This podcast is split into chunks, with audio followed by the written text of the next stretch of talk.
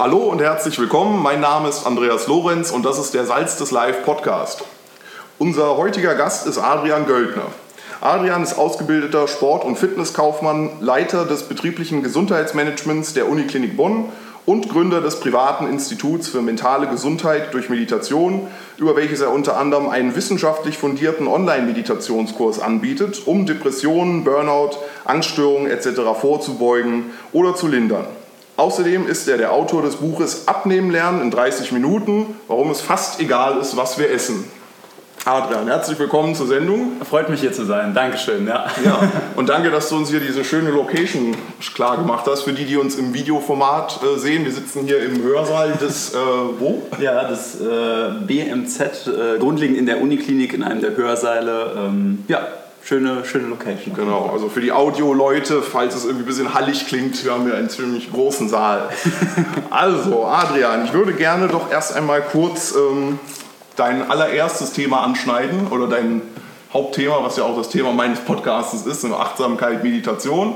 Und du bist ja, könnte man sagen, Meditationslehrer?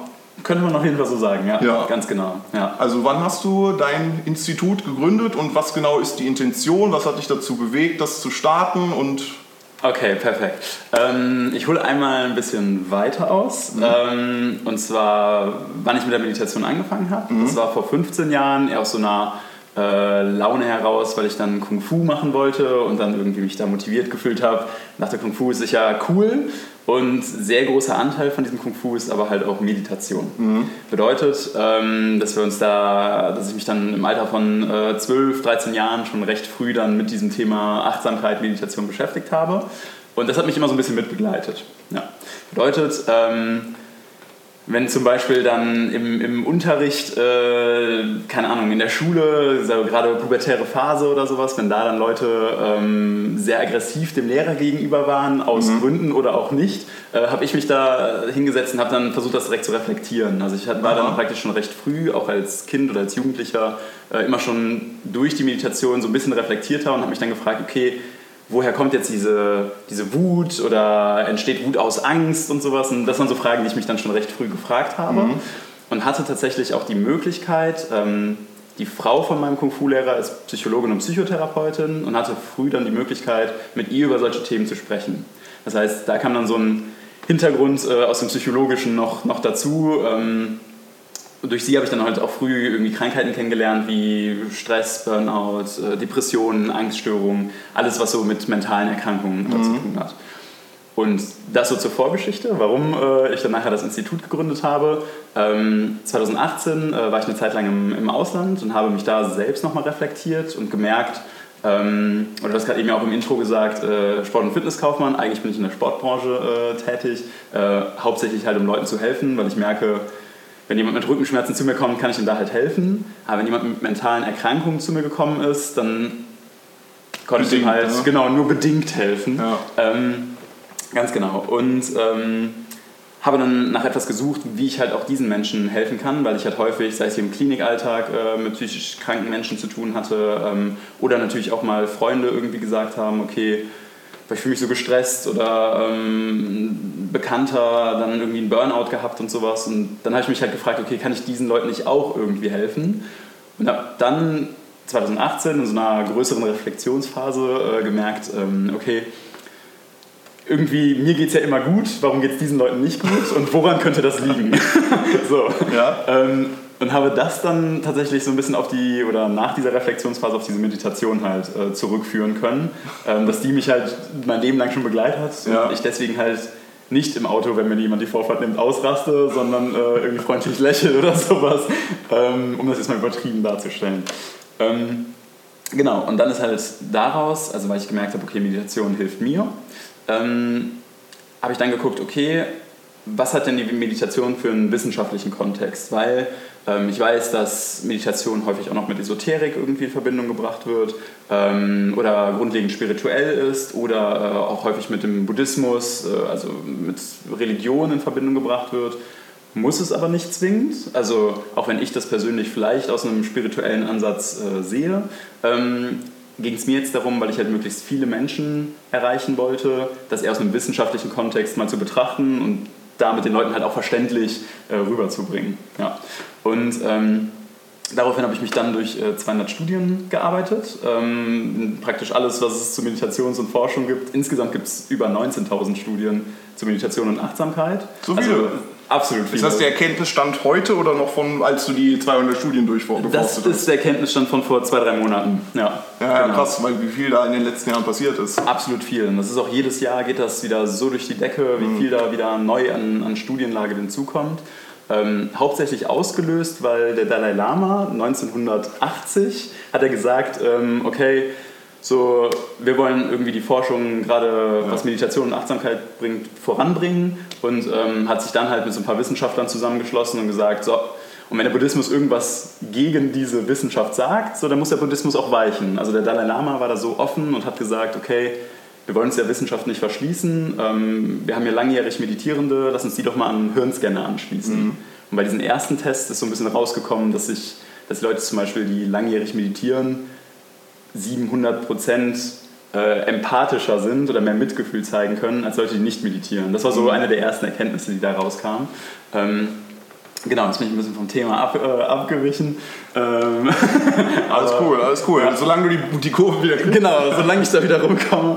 Ähm, ja, auf jeden Fall habe ich mich dadurch halt mit diesen ganzen wissenschaftlichen Studien und mit der Hirnforschung, gerade was Meditation angeht, äh, beschäftigt und habe gemerkt, dass man halt Meditation auch wissenschaftlich klar formuliert den Leuten erklären kann, ähm, was da wirklich bei passiert oder die Wissenschaft weiß nicht genau, warum das jetzt passiert. Also die sagt zwar so, man kann Achtsamkeit trainieren ähm, und die wissen auch, dass sich jetzt was verändert im Gehirn. Die wissen aber nicht genau, was konkret das auslöst. Mhm. Ähm, wahrscheinlich ist es so dieses Aufmerksamkeit erhöhen einfach.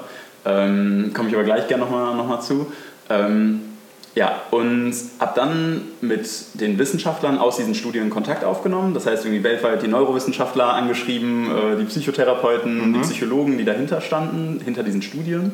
Und mit denen Kontakt aufgenommen, weil ich dann halt ein Programm aufgebaut habe mit diesen Studien, äh, beziehungsweise mit den Meditationsarten, die in diesen Studien vorgekommen sind. Mhm. Ähm, und die habe ich praktisch dann in so ein achtwöchiges Programm gepackt. Und mhm. dann musste ich aber natürlich meine These, ob das jetzt alles so auch wirkt, ja. auch wieder mit diesen Wissenschaftlern absprechen. Ja. Und habe da dann halt sehr positives Feedback bekommen und gemerkt, okay, äh, das scheint hier das Richtige zu sein, was ich mache. Und das, so wie ich das jetzt aufbaue, scheint das Leuten helfen zu können.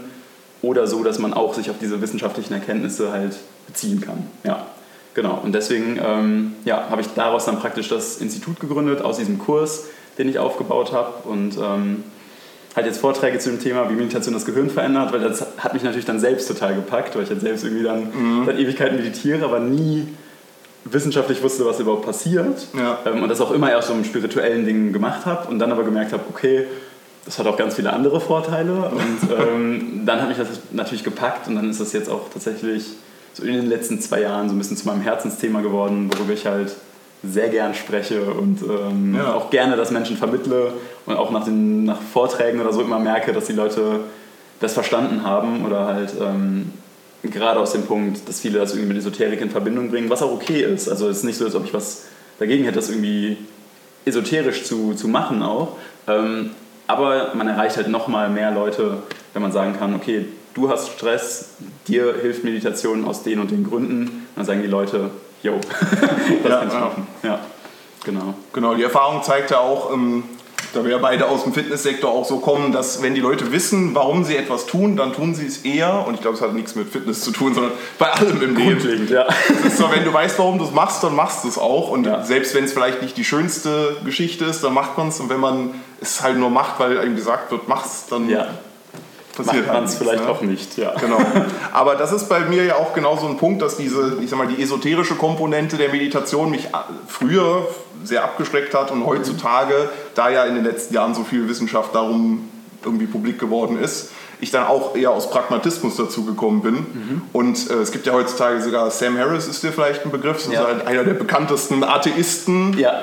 aber ähm, großer Propagator der Meditation. Ganz genau, ja. Und deswegen sieht man auch, dass es quasi, man kann Atheist sein und an nichts glauben. Absolut. Und trotzdem hilft einem Meditation. Richtig, ja. ja. Es zieht sich so immer weiter durch. Ähm, oder, also klar, man kennt das aus dem Buddhismus, aber zum Beispiel. Ähm, Leute, die evangelisch sind äh, oder Pastor oder die evangelische Mönche, so gehen wir, mhm. da, gehen wir von dem Punkt kurz aus, bei denen nennt sich das halt Kontemplation, Kontemplation äh, ja. ist aber letztendlich nichts anderes als eine Art von Meditation. Mhm. Das heißt, auch selbst in der Religion wird es auch noch von vielen angewandt, wird nur anders genannt, weswegen Meditation dann halt so ein bisschen ja, ja schnell mal so äh, Unheil-Meditation oder so. Ja, ja. Wobei Kontemplation ja schon eher so ein bisschen, sagen wir mal, du, du bist ja eher durch das Sazen. Ja, ist genau. Das ist ja quasi das einfach nur Sitzen in Stille. Ganz genau. Ja. ja? Während ja die Kontemplation ja eher vielleicht so eine aktive Meditation schon. ist, wo man selbst sich, sich selbst eine Eigenbefragung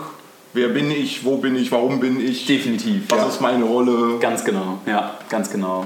Und du hast ja da in dem Zusammenhang auch gesagt, dass du ähm, in dein Programm da, da du ja einen Haufen Studien durchforstet hast, mhm. auch verschiedene Arten der Meditation ja. eingeformt hast. Und wir haben ja gerade zwei genannt. Ja.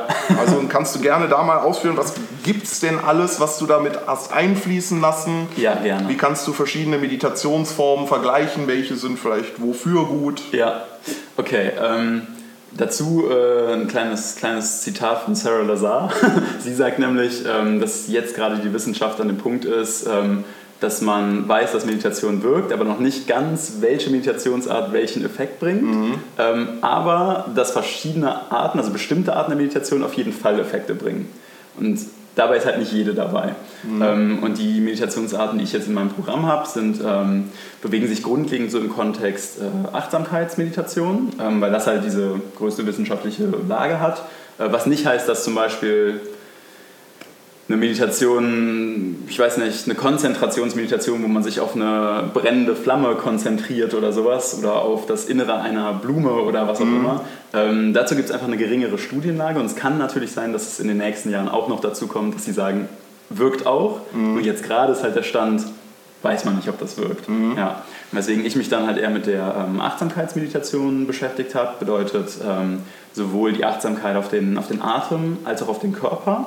Das sind so die ersten ein, zwei, drei äh, Lektionen auch in meinem Programm, dass man halt äh, lernt, einfach mal wirklich nur auf eine Sache zu achten oder mhm. wirklich die Aufmerksamkeit ohne wirklich zu bewerten, da drauf zu bringen. Also, dass mhm. man halt nicht sagt, okay, ich achte jetzt auf meinen Atem und versuche ihn irgendwie willentlich zu steuern. Das gibt es auch als Meditationsform. Das ist halt, äh, ich finde, es ist immer ähm, lustig oder manchmal auch schwierig den Leuten zu erklären, weil es gibt halt tausende Arten der Meditation. Also es gibt wirklich die unterschiedlichsten Formen und manche sind nur eine Nuance anders mhm. und dadurch ist es schon was komplett, komplett anderes. Ja. Ähm, genau, aber grundlegend halt Achtsamkeitsmeditation auf den äh, Atem und auf den Körper, ähm, in Stille zu sitzen und dann geht es aber zum Beispiel ähm, auch in eine Geräuschemeditation, wo man entweder mal ähm, auf Geräusche im Umfeld hört oder ähm, auf eine Gefühlsmeditation, wie fühle ich mich jetzt gerade in diesem Moment, ähm, was vielleicht dann auch schon wieder in eine Richtung Kontemplation geht. Mhm. Ähm,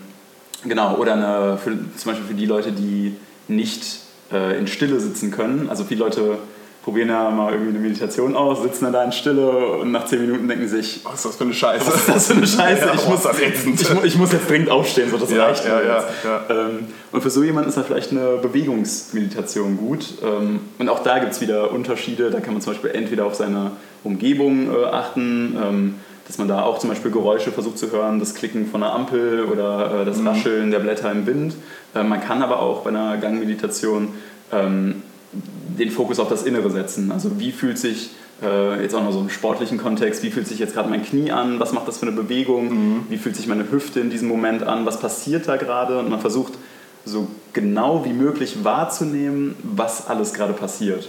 Ja, genau. Und deswegen, Meditation ist halt häufig so verbunden mit äh, bloß an nichts denken. Ähm, und tatsächlich ist es aber eine sehr, auch teilweise anstrengende Form der Konzentration auf verschiedene Dinge oder dass man bewusst seine Aufmerksamkeit hochhält. Mhm. Das ist halt eher so der Punkt. Also es gibt auch Meditation zur Entspannung, aber ähm, die, mit denen ich mich befasse, sind halt eher nicht unbedingt, äh, klar, entspannend auch, aber man, man stellt sich das so vor, als wäre das so einfach nur ein bisschen abschalten oder schlafen oder sowas. Ähm, so, ich sitze da jetzt und döse so ein bisschen, mhm. aber es ist schon eine mental auch anstrengende Aufgabe. Ja, ja, ja total. Also, Absolut. ich sag dir ganz ehrlich, also wenn ich äh, eine Stunde in einer, ich nenne es mal eine äh, halbwegs aktive Meditation, im Sinne von ich bin aufrecht und gerade ja. und achte sehr auf den Atem und dann eine Stunde weißt du, wenn du still, Timer, Ja. du hast keine Ahnung, wann es aufhört. Du sitzt da, es könnten 10 Minuten vorbei sein, es könnte auch noch drei Minuten sein, du weißt es einfach nicht. Ja, Also dann gehe ich lieber wieder irgendwie, dann laufe ich lieber einen Marathon.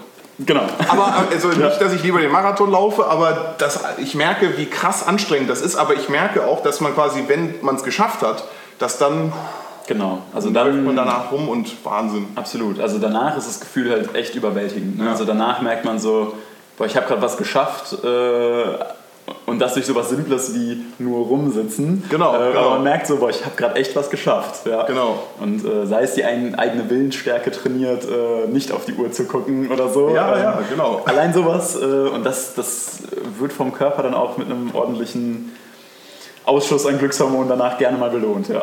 Ja. Oder kennst du auch das Phänomen, dass es nicht mit einem Ausschuss an Glückshormonen belohnt wird, sondern ich habe da auch ein Video auf meinem Kanal drüber über den mentalen Muskelkater. Ja. Das nämlich quasi in der Meditation plötzlich so die ganzen Gedanken, denen man die ganze Zeit über was auch immer man alles im Alltag macht, geflüchtet ist, dass die alle einem entgegenkommen und plötzlich Ja. ist man so, Ja, also bloß nicht. ja, absolut, ja. Ja. Also äh, das, das kann genau sowas sein. Das kann auch einfach sein, dass man, wenn man sich bei der Meditation mal auf sich selbst natürlich nur konzentriert oder fokussiert, dass man dann merkt, eigentlich ist man voll müde, man hat eigentlich auch Hunger und ist eigentlich sogar schon leicht äh, angenervt von diesem Hunger oder so. Ja. Und das sind halt auch Dinge, die fallen einem dann halt bei der Meditation auf, weil man sich dann mal, wenn man nicht wieder in diesem Autopilot ist, sondern man sich mal gerade mit sich selbst beschäftigt. Und dasselbe halt bei den Gedanken. Also die Gedanken sind halt das so mit eins der Hauptthemen, die am schwierigsten sind bei der Meditation, weil natürlich dann, man ist in Ruhe und dann geht unser ähm, zentrales Nervensystem halt an, so, beziehungsweise dann kicken die Gedanken rein und ähm, Ruhezustandsnetzwerk heißt das. Äh, das heißt, wenn wir in Ruhe sind, dann feuern unsere Gedanken. So. Und das ist tatsächlich was, was sich langfristig bei Meditation auch reduziert. Ja, genau, aber grundlegend ist es natürlich sehr schwierig, ähm, wenn die Gedanken kommen äh, und Ja. da kommen nur schlechte Gedanken gerade rein. Das ist aber der gleiche Mechanismus, den du da erwähnt hast, der wahrscheinlich dafür sorgt, dass wenn man den ganzen Tag juckt äh, nirgendwo und dann hockst du da und plötzlich äh, Nase juckt, Nase juckt, Schulter. Bauch, keine Ahnung, dauernd muss man irgendwie, da kratzt es irgendwie. Ja, ganz genau. Und tatsächlich, ähm, also meine Empfehlung genau dazu, wenn es einen irgendwie dann kratzt und juckt und was auch immer, äh, ist dann einfach, dass man dieses Jucken halt klar erstmal achtsam wahrnimmt. Ja. Manchmal geht es dann von selbst weg, wenn man sich mal wirklich nur darauf auf das Jucken hier an der Nase oder so fokussiert, dann geht es manchmal von selbst weg. Wenn es nicht selbst weggeht, dass man dann sich wirklich jetzt sagt, okay, so ich werde mich jetzt gleich da einmal kratzen, aber ich mache das mit vollem Bewusstsein und ich fokussiere mich nur auf diese Aufgabe, mich jetzt da zu kratzen. Ich mache in der Zeit nichts anderes Ja. und dann ist es auch okay, weil dann ist es ein Teil der Meditation. Ja. Ähm, und äh, ja, weil das halt zwischendurch, das ärgert einen halt, ne? wenn man sagt so, oh, jetzt gerade hat es gut funktioniert, so Ja. seit äh, 20 Atemzügen bin ich gerade richtig ruhig und auf einmal fängt es richtig an zu jucken. ich will aber in dieser ruhigen Position sitzen bleiben. Ja, ja, genau. Das ist, Total. ich meine, in dem Moment, wo man so denkt, so, ah, jetzt habe ich endlich mal, alle Sachen sind erledigt am Tag, jetzt hocke ich mich mal hin, schöne Ja. Stunde in Ruhe oder 20 Minuten. Ja. Und, Und dann geht's los. Genau. ja, total. und hier mit deinem Kung-Fu-Background, das sieht man ja auch häufiger mal, so dass dann so Kung-Fuler zum Beispiel, die stehen dann da, weiß ich nicht, auf einem Bein für Ewigkeiten irgendwie in so einer Pose oder haben irgendwie hier ein Gewicht in der Hand und stehen ganz breitbeinig.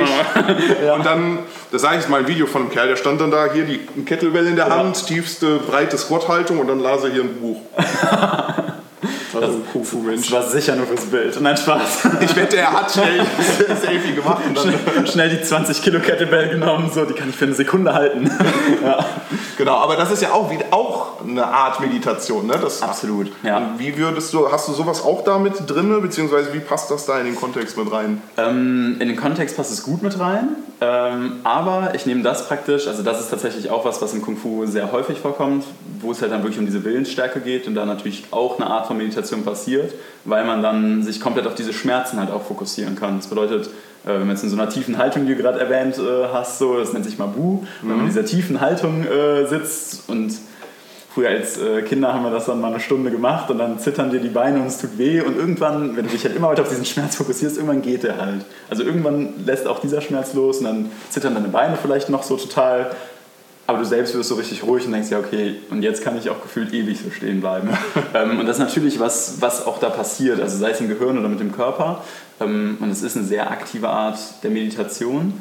Ähm, das habe ich in dem Programm wenig drin, weil es dafür über diese konkrete Art der Meditation gibt es nicht so viel Forschungslage, mhm. aber es merke ich halt an mir selbst, dass mir selbst das sehr viel Willensstärke gebracht hat, sei es im Sport, also im sportlichen Kontext definitiv, ob ich äh, dann 10 Kniebeugen mache mit 100 Kilo oder 15, entscheidet halt schon irgendwo auch der Kopf, ähm, wenn man die, die Stärke hat. Oder, ja. ähm, also grundlegend im Training merkt man es halt, wenn man allein trainiert jetzt, äh, mache ich 10 oder 12 Wiederholungen. Da ist halt so dieses, kann man sich halt selbst überwinden. Ähm, das heißt, im sportlichen Kontext habe ich es gemerkt, aber halt auch im Alltag, dass ich halt, ähm, also ich bin ein sehr geduldiger Mensch, das heißt, ich kann auch Sachen sehr gut lange aushalten. Mhm. Oder habe da so eine gewisse Resilienz irgendwie äh, aufgebaut und äh, kann die Dinge halt gut aushalten und würde das vielleicht auch darauf zurückführen. Ja? Mhm. Und ähm, vielleicht in dem Kontext auch noch, ähm, wenn man dann da in tiefster Position mit Gewicht vorne äh, steht, ähm, ist tatsächlich auch eine Art von Bewegungs- oder halt, also ich, ich mache halt aktiv was mit dem Körper und in dieselbe Riege fällt tatsächlich auch Yoga, Tai Chi und Qigong. Mhm. Ja, die auch, also zum Beispiel Qigong hat auch gezeigt, dass es den Blutdruck senken kann. Also da interessiert sich jetzt die Wissenschaft auch langsam für. Yoga, klar, gibt es inzwischen auch eine ganz gute wissenschaftliche Lage. Ja, ja. Genau, und dieses sich in tiefen Positionen abquälen, hat mhm. vielleicht noch nicht den Namen. Aber sobald es einen kriegt, wird es vielleicht auch äh, noch mehr erforscht. Und ich bin mir sicher, weil ich es halt aus jetzt ganz subjektiver Erfahrung äh, mhm. weiß, irgendwie, dass mir das auch was gebracht hat, gehe ich fest davon aus, dass auch das was bringt, ja. ja garantiert, sonst würden die das ja nicht wahrscheinlich seit tausenden von Jahren irgendwie praktizieren. Vielleicht, ja. Das ist ja dann häufig so, dass dann die, die Jahrtausende alten Weisheiten plötzlich dann kommen tausend Jahre später die cleveren Wissenschaftler her und ja. sagen alle, ist ja, gut, ja, was ihr ja, da macht. Genau, ah, danke, dann dürfen wir also weitermachen. Genau, total.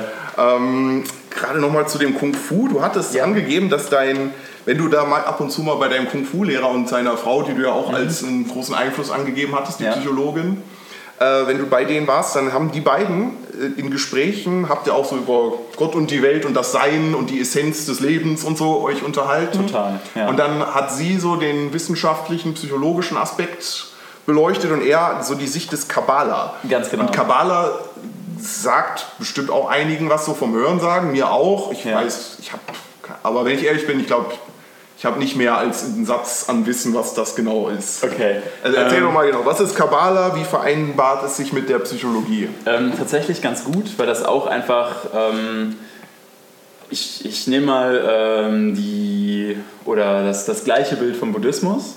Also Buddhismus ist halt auch, es wird zwar groß als Religion angepriesen, aber auch der Buddha hat gesagt, so ihr sollt das ist eigentlich ja kein, wirklich, ne? genau, eigentlich ist es keine Religion in dem Sinne so. Ähm, das hält halt so ein paar, also der Buddha hat das damals einfach als eine Art von Psychologie bezeichnet, mhm. weil es halt und heutzutage kennen wir das so Buddhismus sind viele Lebensweisheiten und mhm. sowas. Und eigentlich ist es halt eine Art von Psychologie so. Und äh, Kabbala ist genau das Gleiche, nur aus einem anderen, eher israelischen Kontext. Mhm. Äh, Russland hat das sehr viel aufgeschnappt.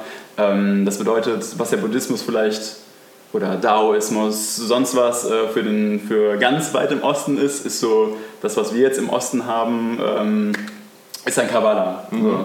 Ähm, und da gibt es dann zum Beispiel äh, den einen Herrn, ich weiß gerade seinen Namen nicht, er übersetzt dann praktisch immer aus dieser, aus dieser Schrift, aus diesem Kabbalah, übersetzt er immer die Sachen. Und dann gibt es halt, ähm, also das, das, muss ich vielleicht dazu sagen so, äh, wenn, wenn wir dann bei meinem Kung-Fu-Lehrer waren und, und äh, seiner Frau, ja. ähm, haben uns halt auch öfters diese, dieser Kabbalah-Sessions angeguckt.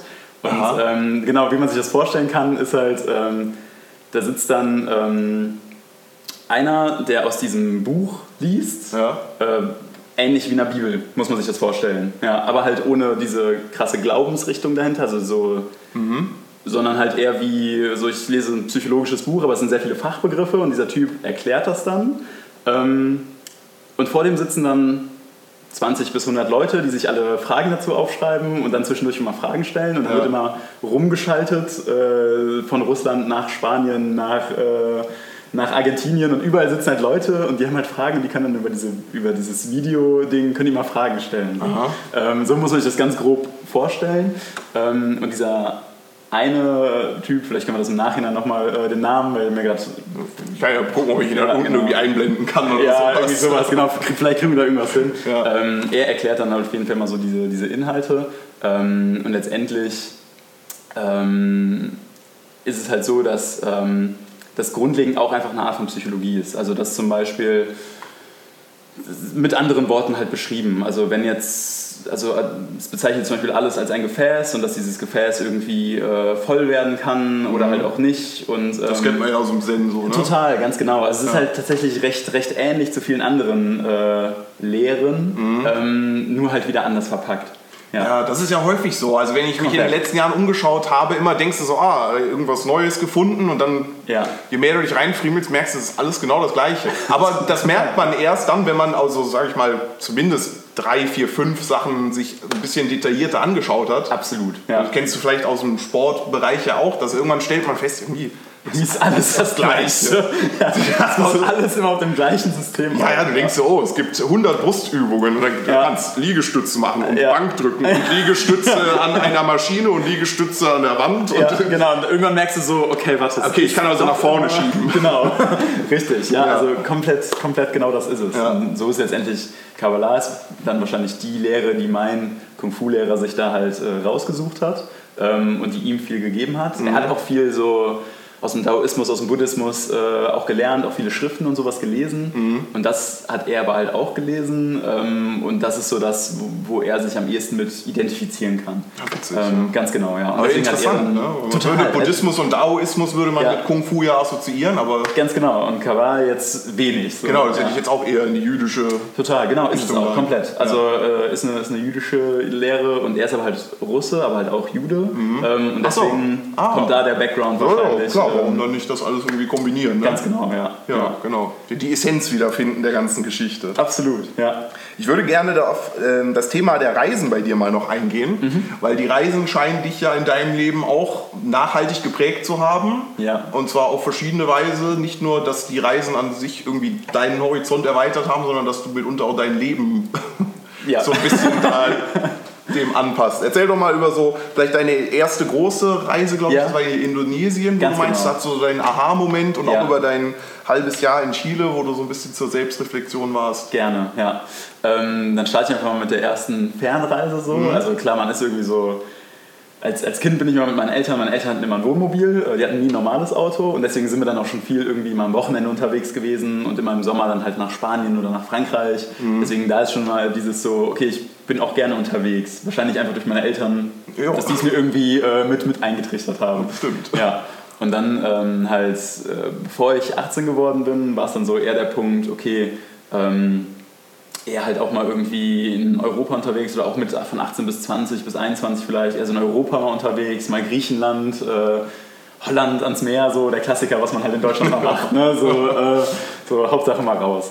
Ähm, und dann kam aber so in mir der Wunsch auf nach der Ausbildung, ähm, dass ich dann gesagt habe, okay, ich würde auch mal gerne weiter raus. Ich habe irgendwie jetzt, das kommt wahrscheinlich auch einfach durch diese, keine Ahnung, dass die Medien uns natürlich immer so aufzeigen, so, sei es jetzt bei Instagram, die Leute sind ständig am Reisen und so. Ähm, okay, Instagram war jetzt, das war dann 2015 noch nicht so prä- präsent.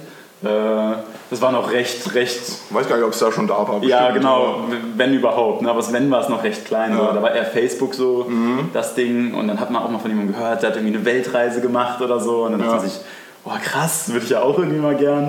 ähm, und dann habe ich halt nach meiner Ausbildung, das waren dann äh, nur vier Wochen. Ähm, die haben aber total ausgereicht, äh, um da komplett in meinem Kopf was umzuschalten und mich grundlegend zu verändern.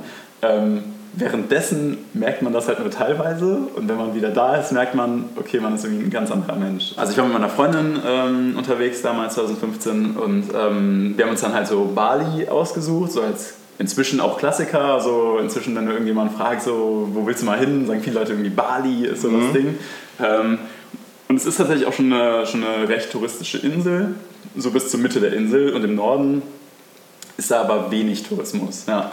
Ähm, was heißt wenig? Also klar, immer noch Tourismus, aber nicht mehr so wie im ganzen Süden und so weiter.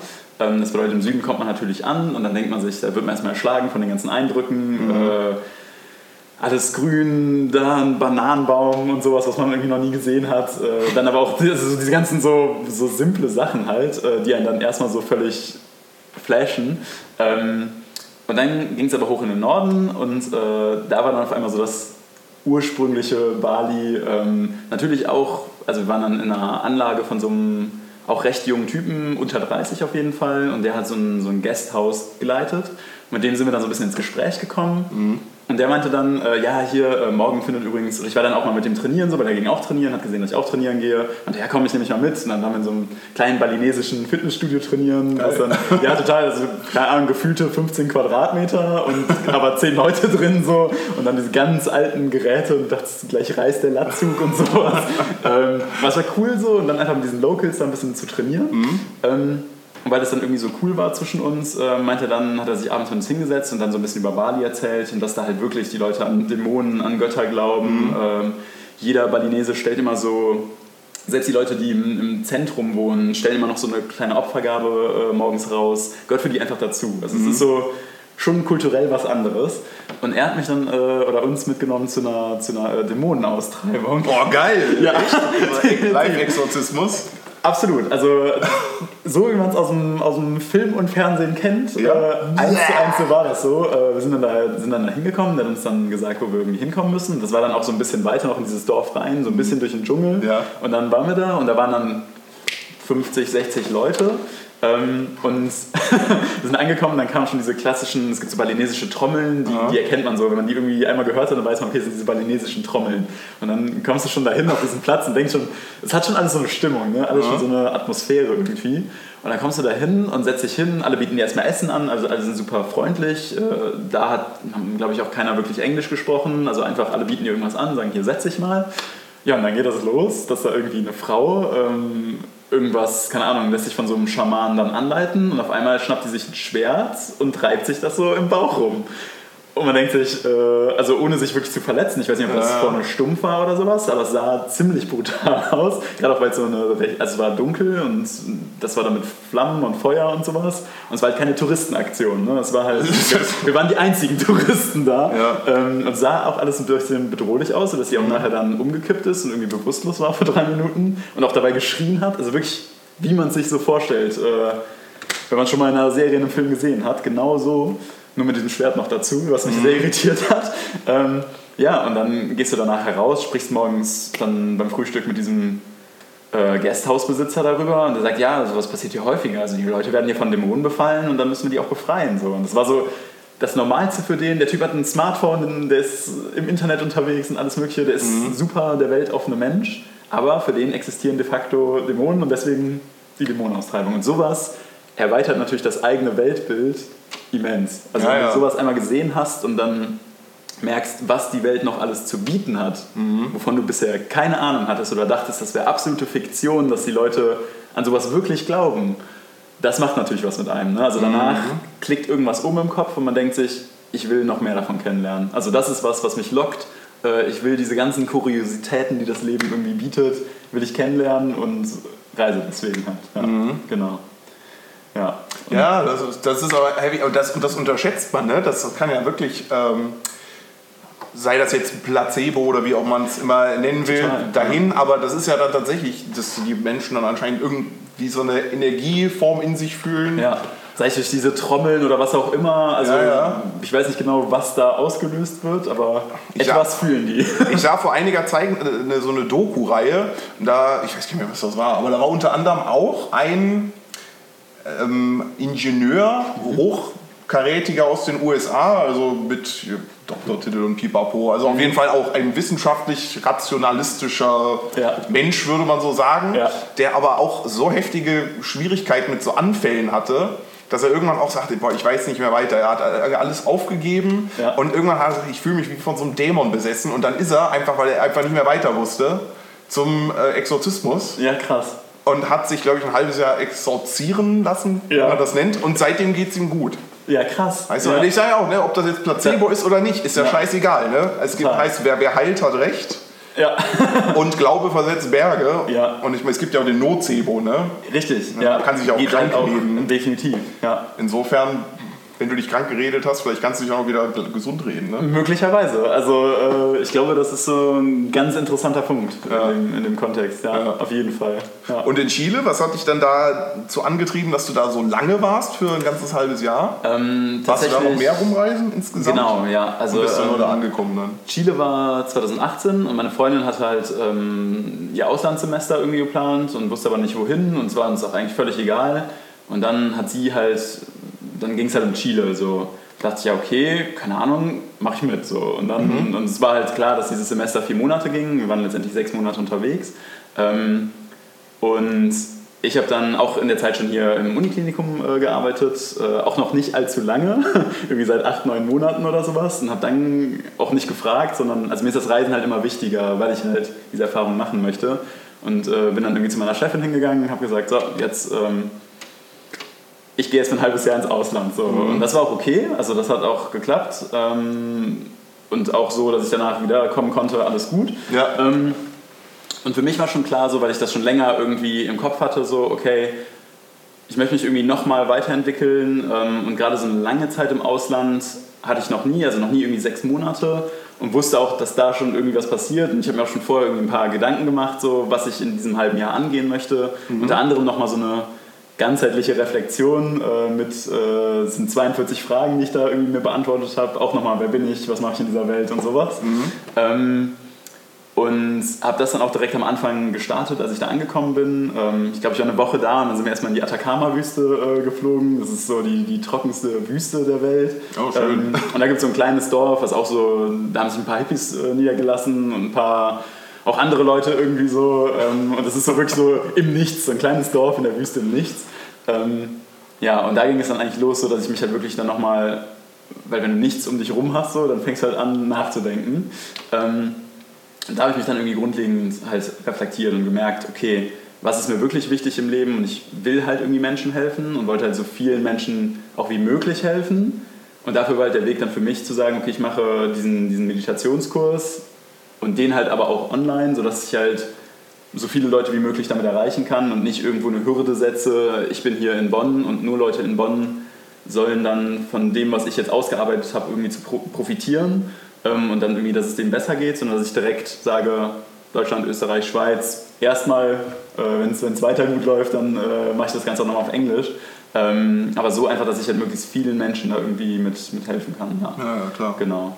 Und ansonsten, ähm, was du gerade auch gesagt hast, oder ähm, genau, also ich war halt nicht nur in Chile unterwegs, wobei Chile schon ein sehr abwechslungsreiches Land ist. Also ganz im Norden hat man halt diese Atacama-Wüste, mhm. ähm, ein bisschen weiter im Süden ist Valle de Elqui, das ist so ein so ein Tal, das die meisten oder mit die meisten Sonnentage im Jahr hat, auf der ganzen Welt. So Aha. einer der Orte, wo drei Tage im, im Jahr es regnen könnte, aber ja. noch nicht mal unbedingt tut. Aha. Und da ist so ein Weinanbaugebiet und sonst was. Äh, auch eine ganz interessante Gegend, weil es halt dieses Tal ist und da so eine ganz andere Flora, Fauna herrscht als sonst, mit ganz vielen Kolibris und sowas. Äh, einfach, dass man sich so ein bisschen besser vorstellen kann. Äh, ähm, ich genau. würde mir gar nichts vorstellen in der trockensten Wüste der Welt. Ja, richtig so. Und das ist, das ist der Punkt. Ne? Also, ja, also richtig. Ja, und tatsächlich in dieser Wüste, also von da aus kann man recht nah auf so ein, sind tatsächlich schon so Ausläufer der Anden äh, hochfahren. Ähm, das ist ein bis zwei Stunden Fahrt von diesem Punkt, von dieser Wüste aus. Und dann ist man tatsächlich äh, auf den höchsten ähm, wo die höchsten Geysire sind der Welt. Und dann kannst du da bei äh, irgendwie Minusgraden in diese 40 Grad, 50 Grad heißen Geysire reinsteigen und äh, nicht in alle. Also manche sollte man sich definitiv von fernhalten, weil die nicht 40, 50 Grad haben, sondern deutlich heißer sind. Ja. Äh, aber das ist tatsächlich dann auch ganz in der Nähe. Also irgendwie Chile ist so ein abwechslungsreiches Land, Wüste, Geysire, dann dieses Tal, dann äh, gibt es äh, einen Regenwald, der aber nicht heiß ist, sondern kalt und so. Und ganz im Süden hat man dann Patagonien, ähm, was halt komplett raues, schroffes, bergiges äh, Land ist, teilweise aber auch weite Steppe und so. Also allein dieses Land hat irgendwie so viel zu bieten, ähm, wo mein Reiseherz schon sehr befriedigt wurde. So. Also da habe ich schon gemerkt, so geil, so genau das richtige Land ausgesucht. Also wenn ja. man mal sehr viel sehen will, ich glaube, es hat, ich will jetzt nichts Falsches sagen, aber ich glaube, es hat 4000 Kilometer, also es ist das längste Land äh, irgendwie der Welt. Und dann hast du halt natürlich auf hast du sämtliche Naturzonen mit dabei, halt in diesem mhm. Land, weil es halt so lang und so schmal ist. Ah, ja. verstehe. Genau. Okay, okay. Das ist halt der Punkt. Das ist halt von, keine Ahnung, Osten nach Westen oder so, Ja. ist man vielleicht in immer maximal zwei Stunden. Ja. Das heißt, das ist super schmal, das Land. Dünn, dünn und lang. Sehr dünn und sehr lang. sehr, sehr ja. dünn und sehr lang. Ganz genau. genau das. Ja, ähm, ja und auf jeden Fall ging es von da aus dann weiter, ähm, eigentlich durch komplett Südamerika, ähm, kurz in Kolumbien zwischengelandet, dann in Ecuador auf die Galapagos-Inseln. Da mich auch faszinieren lassen von diesen riesen Schildkröten und sowas. Das ist bestimmt toll, die mal im Live zu, äh, Real Life zu sehen. Ne? Absolut, ja. Also auch was, also Galapagos-Inseln ist so der Punkt, wo ich dachte, äh, da hat irgendwie jemand einem kleinen Mädchen irgendwie gesagt, hier mal mal, wie du dir eine Insel vorstellst. Ja. Und die malt so eine Insel und malt so eine riesige Schildkröte dahin, äh, hier ein paar Haie und sowas. Und das sind so Galapagos-Inseln. So alles ist in so einem Verhältnis, was irgendwie nicht Ja. ganz stimmig ist. Vor allem einfach nur, ich meine, die sind ja berühmt dadurch, dass Darwin quasi ja da Genau. so seine Evolutionstheorie gemacht Absolut. hat. Einfach nur Ja. diese einzigartige Flora, Fauna, Fauna. ja. Obwohl Flora auch, Auch, ne? beides. Beides tatsächlich, Ja, ja. also ganz, genau. ganz eigene Welt da, ne? Definitiv, ja. Und das ist natürlich dann auch so, das überrascht einen dann halt doch nochmal, Mhm. auch wenn man dann irgendwie schon gefühlt viel gesehen hat so und auf einmal ist man wieder an einem Ort, der ganz anders ist als alles, was man sonst gesehen hat. Ja, ja. Total. Ja. Und ansonsten danach war noch so ein bisschen Peru, Bolivien, Brasilien, Argentinien. Schön, schön. Also Machu Picchu, Auch, ja. das ist natürlich bei mir noch ein... Ein, ein großes. Ja, auf jeden das Fall. lohnt sich. Also, Ja, das auch, auch wenn das äh, sehr, sehr touristisch ist, Klar, Machu Picchu. Ähm, auch das, also es ist halt so riesig, dass man da, ich glaube, man darf vier oder fünf Stunden da sein. Inzwischen haben wir es ein bisschen reglementiert, weil dieser Berg halt auch langsam so ein bisschen abzusacken droht und deswegen reglementieren die das jetzt mit den, mit den Touristen inzwischen Mhm. so ein bisschen. Ähm, und auch da gibt es aber Ecken, wo, dann, wo du keinen anderen siehst. Also einfach, wenn du schnell genug reingehst so und dann ein bisschen Vorsprung hast den anderen, dann bist du auch teilweise völlig allein an Stellen. Ja, Mhm. genau. Und das ist natürlich dann mega. Ja, Ja, was, hat, was hat dich am meisten beeindruckt so auf der Reise? Was war so das prägendste Event? Oh, schwierig. Äh, Also auf jeden Fall Galapagos, muss ich sagen. Ja. Auch die Atacama-Wüste, weil das halt so diese unendliche Weite. Ähm, Und was ich aber auch ziemlich, ziemlich krass fand, also wenn man jetzt nochmal so von Natur ausgeht, Menschen haben mich vielleicht auch einige wieder äh, geprägt, aber von der Natur her war halt einfach so ein, so ein brechender Gletscher. Das ist so ein, äh, unten in Patagonien, so ein Gletscher, der ist 70 Meter hoch. Und wenn da dann so ein 20 Meter Teil irgendwie rausfällt und dann ins Wasser fällt, da merkt man kurz, wie, wie klein man ist. Ja, denkt man ja, sich man kennt diese Aufnahmen so von Ganz genau. natürlich nur über Bildschirme. Ja, genau, ja. Und wenn du dann halt irgendwie so davor stehst und denkst, es ist so riesig und dann bricht Ja. da dieser Gletscher und alles Mögliche und ähm, das war halt auch ziemlich beeindruckend, ja. Oder teilweise, wenn dann nur so ein kleiner, so ein ein Meter Stück rauskracht, was Mhm. von weit weg echt winzig aussieht und auf einmal ist das aber unfassbar laut und alles drumherum ist kurz still, weil man denkt, was war das für ein Geräusch? So, Ja, ja. Ja. Obwohl es dann irgendwie nur was ganz Kleines ist, ja. Genau, also das auf jeden Fall plus Galapagos-Inseln war so das prägendste. Ähm, und ansonsten halt einfach von, von den Menschen, also so Südamerika ist halt, finde ich persönlich, äh, absolut genial, weil die Leute so welcoming sind, die, die nehmen dich direkt irgendwie äh, so alles gut und sind alle sehr, ähm, sehr offen, sehr weltoffen. Ähm, So, so wie hier in unseren fröhlichen deutschen ja, total. unbiederen Landen. Da- da- Dazu vielleicht eine kleine Mini-Anekdote. Äh, In Chile sind halt, ähm, das ist halt recht, recht krass, weil da viele ähm, im Zweiten Weltkrieg äh, hinausgewandert sind. Sind viele Deutsche, ne? Genau. Sind nicht sogar diese Nazi-Dörfer? Richtig, und das ist das Problem. Es gibt halt sowohl diese Nazi-Dörfer als auch die geflüchteten Juden zum Beispiel oder sowas. Ah, Die sind auch da. Die sind auch da. Ach so, das wusste und das ist natürlich so, da denkt man sich immer so, was ist da passiert? Ne? Äh, Warum flüchten die beide in dasselbe irgendwie? Äh, ja, genau, aber was man da kennt, ist dieses Colonia Dignidad, äh, diese, diese Nazi-Dörfer-Geschichte da, ähm, auch ganz krank, halt auch teilweise sehr sektenartig. Ähm, Ja, hallo. de definitiv. Ähm, ja, und tatsächlich gibt es aber dann, also sind die ganze Zeit so spanische Wörter irgendwie auf einer, bei, bei einer Bäckerei oder sowas und dann steht da halt einfach das deutsche Wort Kuchen. So. Dann denkst du so, äh, keine Ahnung, irgendeine Pasteleria und sowas und dann siehst du so Kuchen. Denkst du, was ist denn hier passiert? Und so haben sich so ein paar deutsche Begriffe, einfach weil viele deutsche Auswanderer da sind, da auch implementiert.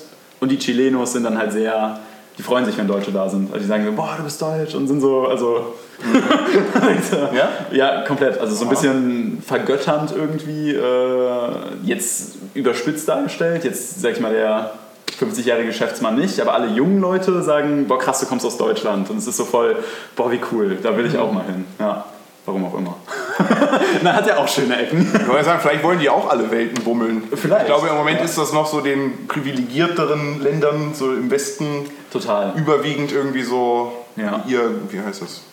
Wort fällt mir nicht ein. Also, du weißt, was ich Ja, meine. ich weiß, was du meinst, ja. Ihr Glück, dass sie es können, Ja. aber vielleicht geht es ja da auch dann los. Dass wir dann Total, ja, dass sie auch anfangen. ich habe mal irgendwann habe ich mir vorgestellt, dass irgendwann, wenn die Welt quasi an dem Punkt ist, dass wir jetzt also okay, wir geben das Geld nicht mehr für irgendwelche Kriegsmaschinerie aus, äh, sondern wir gucken, dass endlich mal alle Menschen was zu essen haben und ein Dach über dem Kopf und dass keiner mehr unnötige Krankheiten erleiden muss, was ja de facto schon theoretisch möglich wäre, wenn man Ja. umdisponieren Wenn man umdisponieren will, und wenn ja. alle die Entscheidungen treffen können, die auch treffen würden, was natürlich Ja. nicht passiert. Aber in der Theorie wäre es Aber in der Theorie, genau. Genau, was würden die Menschen dann machen? Würden sie dann alle stationär sein? Ich habe mir gedacht, vielleicht ist der Mensch dann so wie ein, das Blut der Erde, dass der Mensch eigentlich dazu gedacht ist, dass er zu zirkulieren Zirkuliert. hat. Ja, Ja, vielleicht. vielleicht, vielleicht auch nicht. Äh, Vielleicht auch.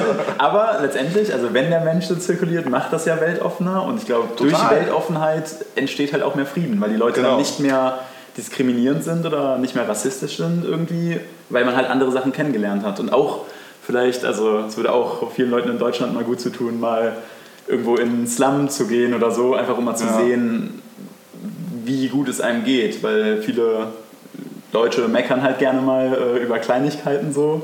Ähm, und das nicht nur als Vorurteil, sondern tun sie halt wirklich.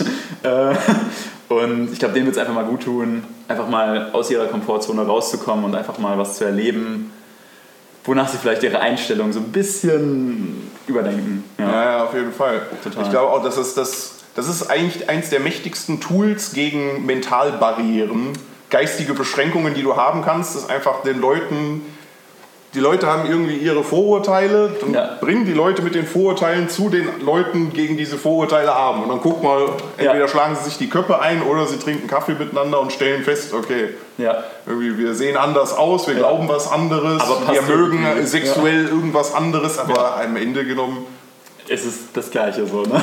ja, eben. total. Und ja. dass natürlich so Kultur, andere Kulturen befremd wirken, Mhm. ist ja klar, aber das ist doch nichts Schlechtes. Ne? Das, ist ja, das macht doch die Menschheit faszinierend und spannend und sonst Definitiv. müsste man ja nicht reisen. Ne? Genau, richtig. Ja, das das bringt es auf den Punkt, ja, das ist es. Ja, Ja. absolut. Ja. Du hattest diesen einen Dude da angegeben, der, das fand ich ganz interessant, diesen minimalistischen Weltreisen, habe ich Ja. eine Notiz dazu, wo du sagtest, Ja. du wusstest seinen Namen nicht, aber da war irgendein Kerl, der ist irgendwie ohne Kohle um die Welt. Ich habe auch mal so einen kennengelernt. Ja. Wie hat der dich äh, beeinflusst, dieser Kerl? Ich, ich kann es, ja genau, ich, ich gebe es einfach mal wieder.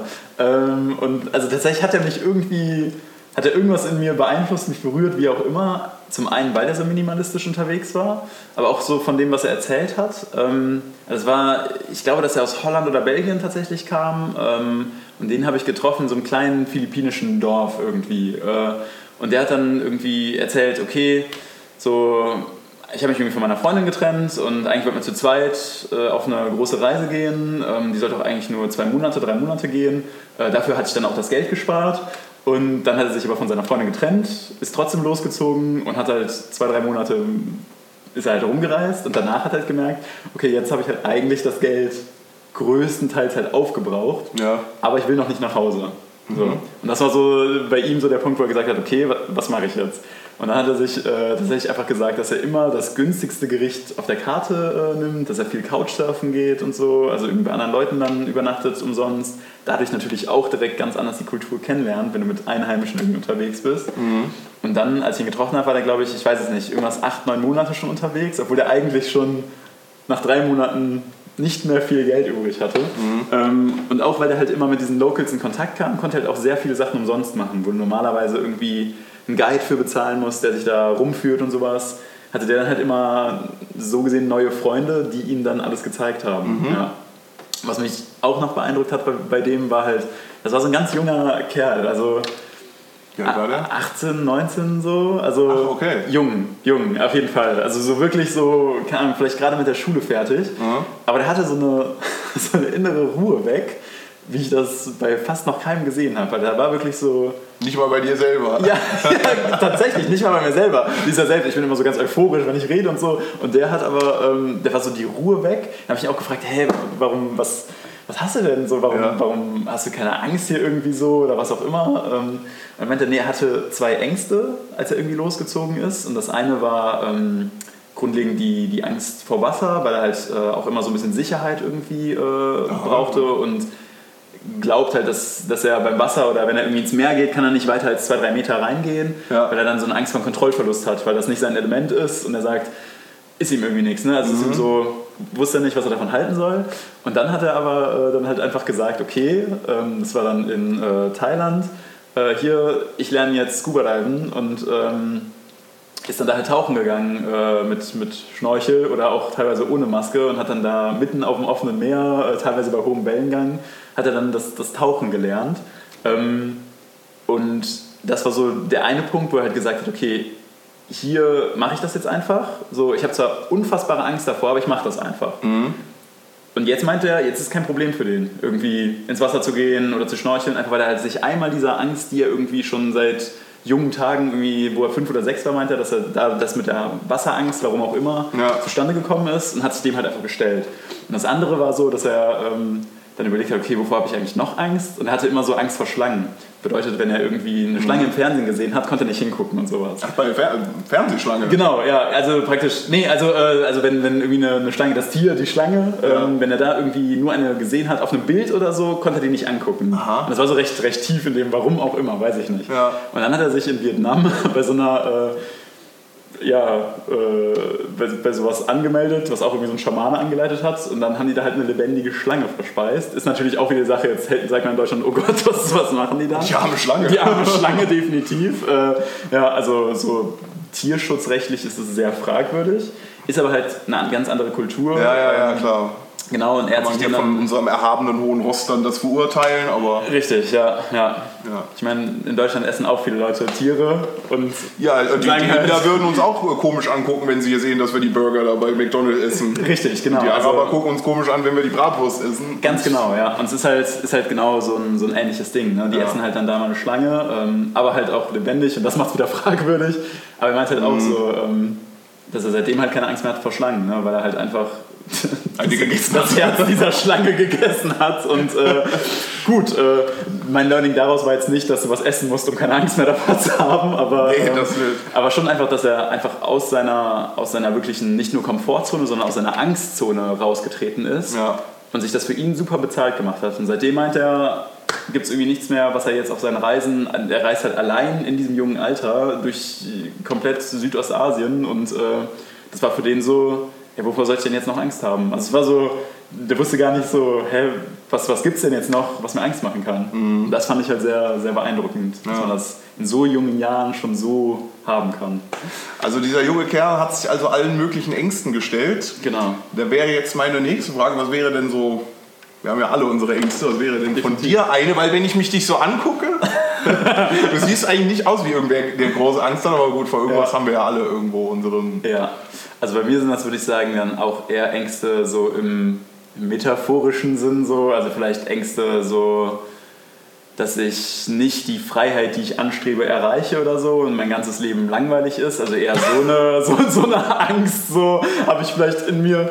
Ähm, aber tatsächlich, also mit dem, mit dem Wasser konnte ich mich tatsächlich, vielleicht habe ich mich deswegen auch nochmal verbunden gefühlt. Also es ist jetzt nicht so, dass ich nicht mich traue, irgendwie mehr zu schwimmen, aber ich habe jetzt schon immer ein sehr starkes Unbehagen ähm, und keine Ahnung, wenn ich dann im offenen Wasser rausspringe mit einem Schnorchel und soll dann da jetzt rumpaddeln, dann denke ich halt immer, da kommt jetzt gleich so ein Riesenfisch so und dann ja. denkst du, äh, ja. direkt der Riesen, der fleischfressende Blauwal. Natürlich, genau, ja, genau. So, das Aber so das habe ich auch, total. Okay. ja. Ich hasse es, im Wasser zu sein, sag ich ganz ehrlich. Ja, ich hasse genau. Wasser und äh, musste sogar mal von einem Kumpel, als ich mir zu viel zugemutet habe, beim im offenen Meer rumschwimmen, hat er mich mit dem Schlauchboot eingeholt. Ja, krass. Ja, ja. Und sowas ist natürlich dann, das, das brennt sich natürlich auch irgendwie wieder ein. Ja, das ist, so, dann so, ey, das ist so ein Kreislauf irgendwie. Auf jeden Fall habe ich, ähm, also wenn das so, also das ist auf jeden Fall so eine Sache, wo ich irgendwie schon Schiss vor habe, ähm, einfach in offenen Gewässern irgendwie dann zu schwimmen. Und habe dann aber ihn halt als, auch als Inspiration genommen und in diesem gleichen, auf dieser gleichen Reise, wo ich ihn in diesem kleinen Dorf auf den Philippinen kennengelernt habe, habe ich dann am Ende der Reise, äh, bin ich mit einem Walhai geschwommen. Oh. Und das war dann halt äh, nochmal so ein ganz krasses Erlebnis, auch so eigentlich mit meinem Nummer 1 Erlebnis von allen Ja. Reisen bisher, ähm, weil dann einfach dieses busgroße Tier an dir vorbeischwimmt Ja, ja. äh, mit seinem offenen Mund. Ähm, Aber die sind lieb, ja. ne? Die sind total lieb. Also die machen nichts, überhaupt Nee, nee, nichts. aber die sind Also, halt riesig, ne? Ja, die sind so riesig. Also wirklich, du kannst ja echt wie so ein, wie so ein, wie so ein Bus, der draußen rumfährt, vorstellen und der fährt dann so an dir vorbei äh, und sitzt dann nur oder bist halt im Wasser, keine Ahnung, schnorchelst und auf einmal kommt dieses Ding wieder auf dich zu und du musst ein bisschen weg. Ähm, aber das ist, also da habe ich ihn halt dann auch einfach so als Vorbild genommen und gesagt, okay, dann stelle ich mich jetzt auch dieser Angst. Und die ist nicht direkt danach weggegangen, aber ich wurde halt dann direkt belohnt durch dieses krasse Erlebnis, dieses riesige Tier sehen zu dürfen, was ich jetzt sonst nicht hätte machen können, wenn ich mich nicht dieser Angst irgendwie auch ein Stück weit gestellt hätte. Ähm, Und selbes Beispiel auf den Galapagos-Inseln, also auch 2018 war ich immer noch so ein bisschen ängstlich dem Wasser gegenüber, habe aber mich trotzdem auf so eine Tour da eingelassen, äh, so eine Schnorcheltour halt und bin dann da auch mit so Haien geschwommen und sowas. Mhm. Äh, Und das ist halt auch wieder was, wo ich mir jetzt denke, okay, ich weiß nicht, so, wovor soll ich jetzt eigentlich vielleicht noch Angst haben im Wasser? Wenn das, wovor man vielleicht Angst hat, der Hai oder so, wenn ich jetzt mit denen geschwommen bin und die machen nichts, okay, ja. Also, Ja. ja. Solange man da jetzt nicht ganz unvorsichtig rangeht. Aber das Interessante ist ja so mit Ängsten, ich denke gerade an die Harry Potter Filme. Ja. Also, oder die Bücher, weiß Ja. nicht, ob du die gelesen, geschaut Ja. hast. Ist schon was her, ja, genau. Ja, aber da Ja. gibt es ja die eine, ich glaube der vierte Band ist es, da sollen sie dann plötzlich, da sind sie ein bisschen jugendlicher und dann sollen sie alle hier ihr Date für den äh, großen Ball Ja, irgendwie sich aufgabeln, die ganzen jugendlichen Zauberer. Ja. Und kurz vorher hat Harry noch mit dem Drachen gekämpft und er sagt dann irgendwann so, oh, ich würde lieber nochmal mit dem Drachen kämpfen, als hier irgendeins von den Mädels auf ein Date zu fahren. Und ja, ich kann Aber das, das- auch zu einem gewissen Grad nachvollziehen. Ja. Ich, ich glaube auch so. ja, Sich Ängsten stellen ist eine krasse Sache, aber ich wette, es gibt auch Leute, die, die können dann mit den Haien schwimmen und begegnen einem Grizzly und dann sollen Ja. sie eine Dame im Club ansprechen oder und haben Bar. davor die größte Angst. Ja, total, absolut. Also ich glaube, da hat jeder so sein persönliches irgendwie. Ähm, ja. Und ich merke aber auch so, also das ist vielleicht was, was mich immer noch so ein bisschen begleitet. Oder halt, wie gesagt, so eine Angst, dass ich nicht das, was ich mir vornehme, irgendwie für mein Leben erreiche oder so. Aber ansonsten hat das auch abgenommen. Also in der Schulzeit hatte man, glaube ich, irgendwie mehr Ängste und sowas. Äh, Vielleicht kann ich das auf die Meditation zurückberufen, dass ich weniger Ängste habe, vielleicht auch durch das viele Reisen. Ähm, weil, also jetzt, wenn ich hier mit jemandem spreche und sage, okay, ich gehe nach Südamerika, dann sagt er, oh, das ist gefährlich. So. Ja, auch, ja. Ja, genau, und ist es aber de facto nicht. Also es ist genauso gefährlich, da gibt es halt gefährliche Ecken, die gibt es aber in Köln auch. Ja, ja. So. Und ähm, Das ist, wenn man zu viel Ja. Narcos auf Netflix geschaut hat und Richtig. denkt, Kolumbien ist immer noch, Pablo Escobar ist immer noch unterwegs. Genau, ja, das ist dann so der Punkt. Und das ist halt was, also davor habe ich dann irgendwie gar keine Angst mehr. So, ja. Ich vertraue schon immer so in das Gute im Menschen und der Rest kommt halt, wie er kommen soll.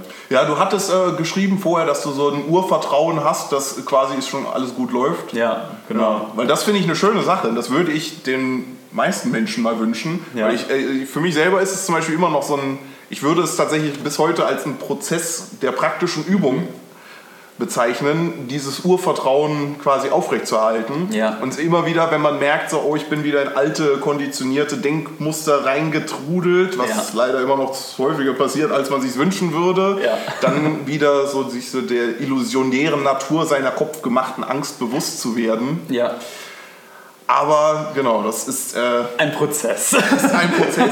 Definitiv. Ja. Aber deswegen sind wir auch eine Weile hier auf der Erde, weil ich denke, auch wenn, so wir sind ja noch jung und haben Ja. noch irgendwie potenziell irgendwas vor im Leben. Aber ich, wenn ich mal irgendwie ein grauhaariger alter Sack bin, 80 Jahre und ich weiß, okay, gibt nichts mehr, was ich leisten muss, mir kann keiner was, ja. glaube ich, im Alter wird man eh gechillter. Ne? Ich glaube auch, ja. Also dann, ich glaube, im Alter versteht man halt auch einfach so, eigentlich war das alles, also das ist ja immer so der Punkt, ne, wenn du, wenn du dir jetzt vorstellst, du, du hast irgendeine Situation, eine schwierige Situation vielleicht, dann kannst du dich halt immer so zwei Fragen stellen. Die Fragen klingen einfach so banal, aber es hilft halt meistens, wenn du wirklich das darüber nachdenkst und das nicht direkt so abtust. Und das eine ist halt einfach so, was ist das Schlimmste, was passieren kann? Wenn du dich das wirklich einfach, du stehst vor irgendeiner schwierigen Entscheidung und weißt wirklich überhaupt nicht, dann sagst du, okay, was ist das Schlimmste, was passieren kann? Bei beiden Optionen ist nichts davon wirklich schlimm meistens. Du hast jetzt wohl Ähm. gemerkt nur eine genannt, aber die andere ist vermutlich die, was ist das Beste, was passieren kann. Äh, nee, tatsächlich, äh, ich meine, klar, das kann man sich auch fragen. Ich glaube, das pusht einen dann nochmal. Die Kombo kenne ich Ja, so. genau, definitiv. Wie machst du's? Ähm, ich frage mich einfach so, okay, wird mich das, was ich jetzt, also das, worum es jetzt gerade geht, beschäftigt mich das in fünf Jahren noch? Ah, okay. Also, okay. so, also dass ich einfach so einmal vorweggreife und sage, Ja. So fünf Jahre retrospektiv, so gucke ich darauf und denke mir, das war absolut unwichtig. Also es ist einfach nur, also einfach so dieses Ändern des Blickwinkels. Also das ist, finde ich, was, ähm, wodurch man sehr häufig auch dieses Urvertrauen zurückgewinnt, wenn man einfach nicht aus dem eigenen Blickwinkel das mal betrachtet, sondern aus dem Blickwinkel in fünf Jahren, aus dem Blickwinkel von vor fünf Jahren oder aus dem Blickwinkel deines Gegenübers oder Mhm. einfach wirklich mal diesen Blickwinkel zu verändern und dann merkt man meistens, okay, eigentlich kann auch nur alles gut gehen. So. Ja. Ja, ja, gut, groß irgendwie was Schlimmes. Das ist Mark Twain hat das doch schon gesagt, dass 99,9% seiner Sorgen im Leben nie eingetreten sind. Genau das. Ich meine, klar gibt es immer irgendwas, was dann tatsächlich mal irgendwie eine Alarmsituation ist, aber Ja. der Großteil ist ja wirklich einfach nur Kopfkino. Ne? Meistens, absolut. Leider. Ja. Total leider, ja. Definitiv, ja. Ich, ich wäre ja tatsächlich neugierig, wie es dann ist mal in 20, 30 Jahren, wenn die Welt nicht mehr so, wenn alle Leute ihren konditionierten Scheißdreck so abräumen müssen, Ja, wenn vielleicht so genau, wenn die Kids schon gar nicht erst den drauf bekommen, weißt Ja, du, dass sie nicht ja. erst die Festplatte dann später mühevoll neu formatieren müssen, sondern Richtig. direkt ein gutes System haben und das auch läuft dann von Anfang an. Das wäre absolut spannend, das wirklich mal zu beobachten. Ja, also da, das wäre wirklich sowas, da hätte ich mega Interesse daran, sowas dann mal zu sehen. Ich meine, vielleicht wird man es ja mal sehen. So. Ach ja, bestimmt. Aber, ich bin ja. optimistisch, was die Zukunft angeht. Finde ich gut. Ja, es nutzt ja nichts, pessimistisch zu sein. Richtig, So, ja. die Apokalypse hatten wir ja schon, war deutlich langweiliger als erhofft. Definitiv. So keine Zombies, kein Godzilla, keine Aliens. Nichts passiert, ja. Das Schlimmste, was passiert ist, dass man hustet und Ja. ich meine das nicht böse, aber ein paar Rentner, Ja. die eh bald. Ja. Will jetzt niemandem auf den Schlips treten, dem ich gesagt habe. Aber genau. Ich denke, dass nach Corona, das hat den Leuten jetzt eine Zwangs-Selbstreflexionsphase gegeben. Ja, absolut. Und ich glaube, das war auch also für viele gar nicht verkehrt.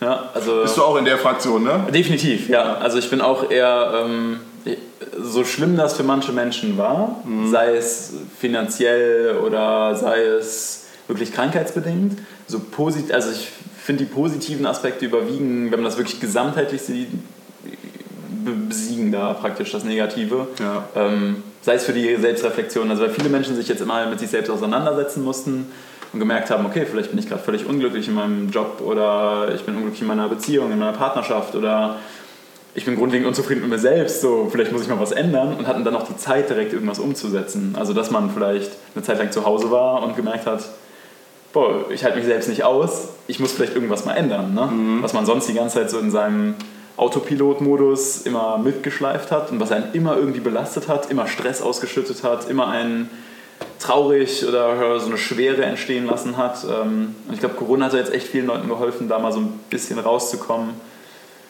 um nochmal zu gucken, ob man vielleicht was mit seinem Leben was anderes machen sollte, könnte, müsste, wie auch immer. Ja, ja. Und häufig reicht ja der Perspektivwechsel. Total, ja. Das vergisst absolut. man ja häufig, dass wenn es dann um dieses ganze Change Your Life, bla bla bla Richtig. geht, hier Live the Life of Your Dreams, ja, Ja. vielleicht, ist, vielleicht hat man ja schon eigentlich ein gutes Leben und macht sich einfach nur ein Haufen. Kopfkino, und wenn man nur Ja. den Denkansatz ändern würde. Absolut, ja. Das ist ja auch so das, äh, das Klassische im, sagen wir, im Buddhismus oder sowas, einfach dieses im Jetzt sein, ähm, ist halt nicht ohne Grund so eine, so eine Faustregel, weil halt Vergangenheit und Zukunft nicht existiert in diesem Moment. Klar, in deinen Gedanken hast du so ein Bild von Vergangenheit, aber wenn es dir schlecht geht, dann hast du halt auch immer schlechte Gedanken aus der Vergangenheit. Wenn es dir Ja. gut geht, denkst du vielleicht äh, mit ein bisschen Melancholie auch gut an die Vergangenheit. Aber de facto jetzt gerade Ja. gibt es das ja nicht und die Zukunft auch nicht.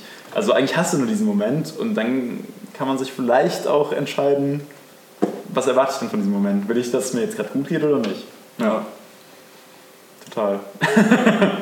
Ja, ja, aber ich glaube tatsächlich, dass das auf lange Sicht einfach so, eine, der Trend ist ja schon da, Ja. dass das immer mehr Leute machen, dass es, ich glaube, auch in Schulen zunehmend auch publik wird. Das heißt, ich glaube, es könnte schon passieren, dass in den nächsten 20, 50, 100, 500, 5000 Jahren, Ja. wenn wir uns nicht zerbombt haben, Richtig.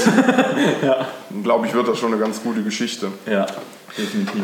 So mit dem Urvertrauen hast du dann also auch dieses äh, Unternehmen gegründet und du hast das Unternehmen ja aber nicht, das war ja nicht dein erster Versuch. Ich sage ja, du hast schon alles Mögliche online, das war ja, Ja. das glaube ich, da muss man kein Raketenwissenschaftler sein heutzutage, um zu kapieren, dass online die Zukunft ist. Ja, möglicherweise. Und dann hast du was, Online-Kreditkarten, Apps, T-Shirts, Pipapo vertrieben Ja. und rumprobiert. Ja, genau das alles.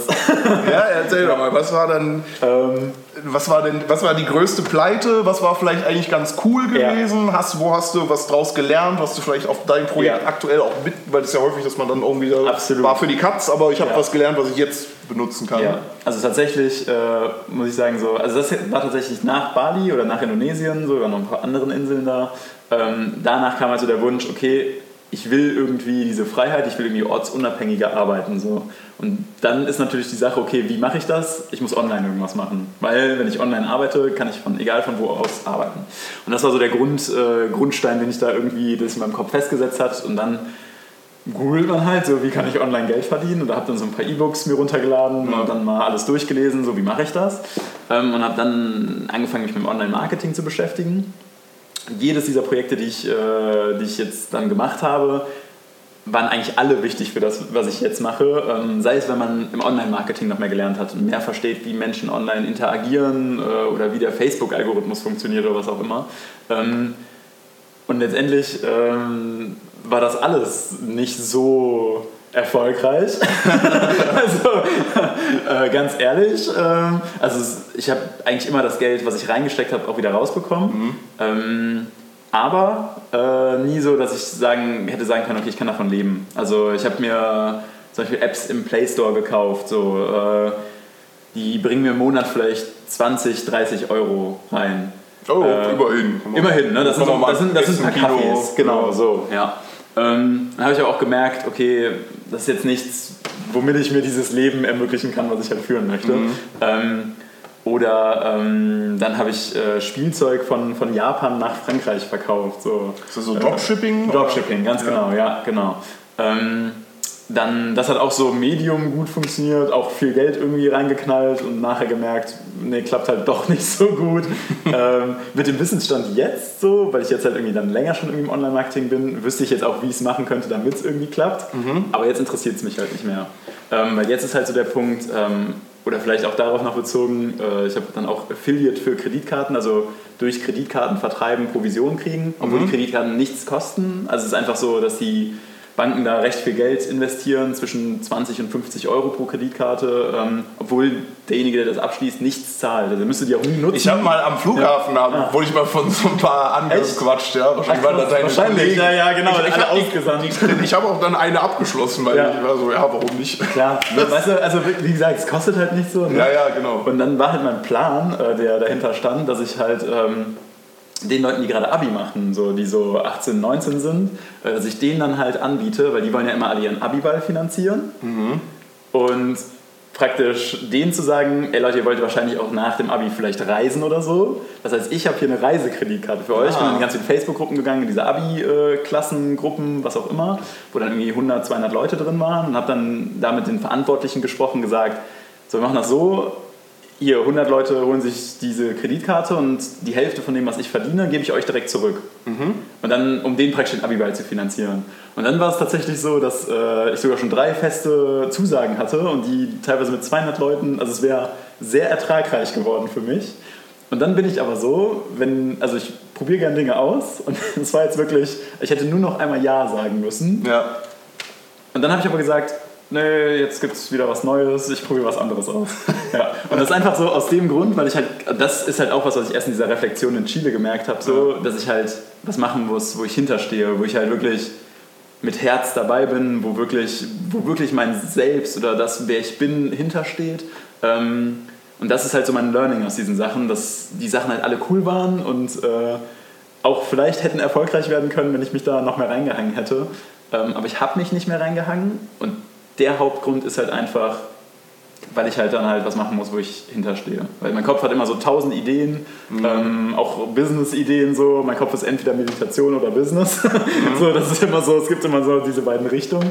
Ähm, und deswegen ich alles Mögliche ausprobiert, um dann halt zu merken, ich muss tatsächlich irgendwas machen, Ja. ich hinterstehe. Ja, Ja. klar. Ne? Ich meine, dicker Kontostand ist ja nicht zu verachten. Genau, Ne? ja. Die Leute tun immer so, als ob Geld was Schlechtes ist. Ich Ja. denke immer, das Geld ist einfach nur das, was man damit macht. Genau. Deswegen ist es schon besser, wenn man ein bisschen was hat. Aber äh, wenn man halt nur Kohle hat, Bringt halt auch wenig. wenn du dann einen Job hast, der dir die Seele zerfrisst und bist irgendwie einsam und allein und irgendwie lethargisch und Definitiv. machst es einfach nur, weil Ja. Kohle, was mache ich denn dann damit? Ja, absolut. Ja. Also genau das ist halt der Punkt. Ne? Also man lernt halt immer wieder auch Leute kennen, die die Kohle hätten oder haben, aber zutiefst unglücklich sind und auch, keine Ahnung, die müssten nur jemanden einstellen, der ihren Job macht.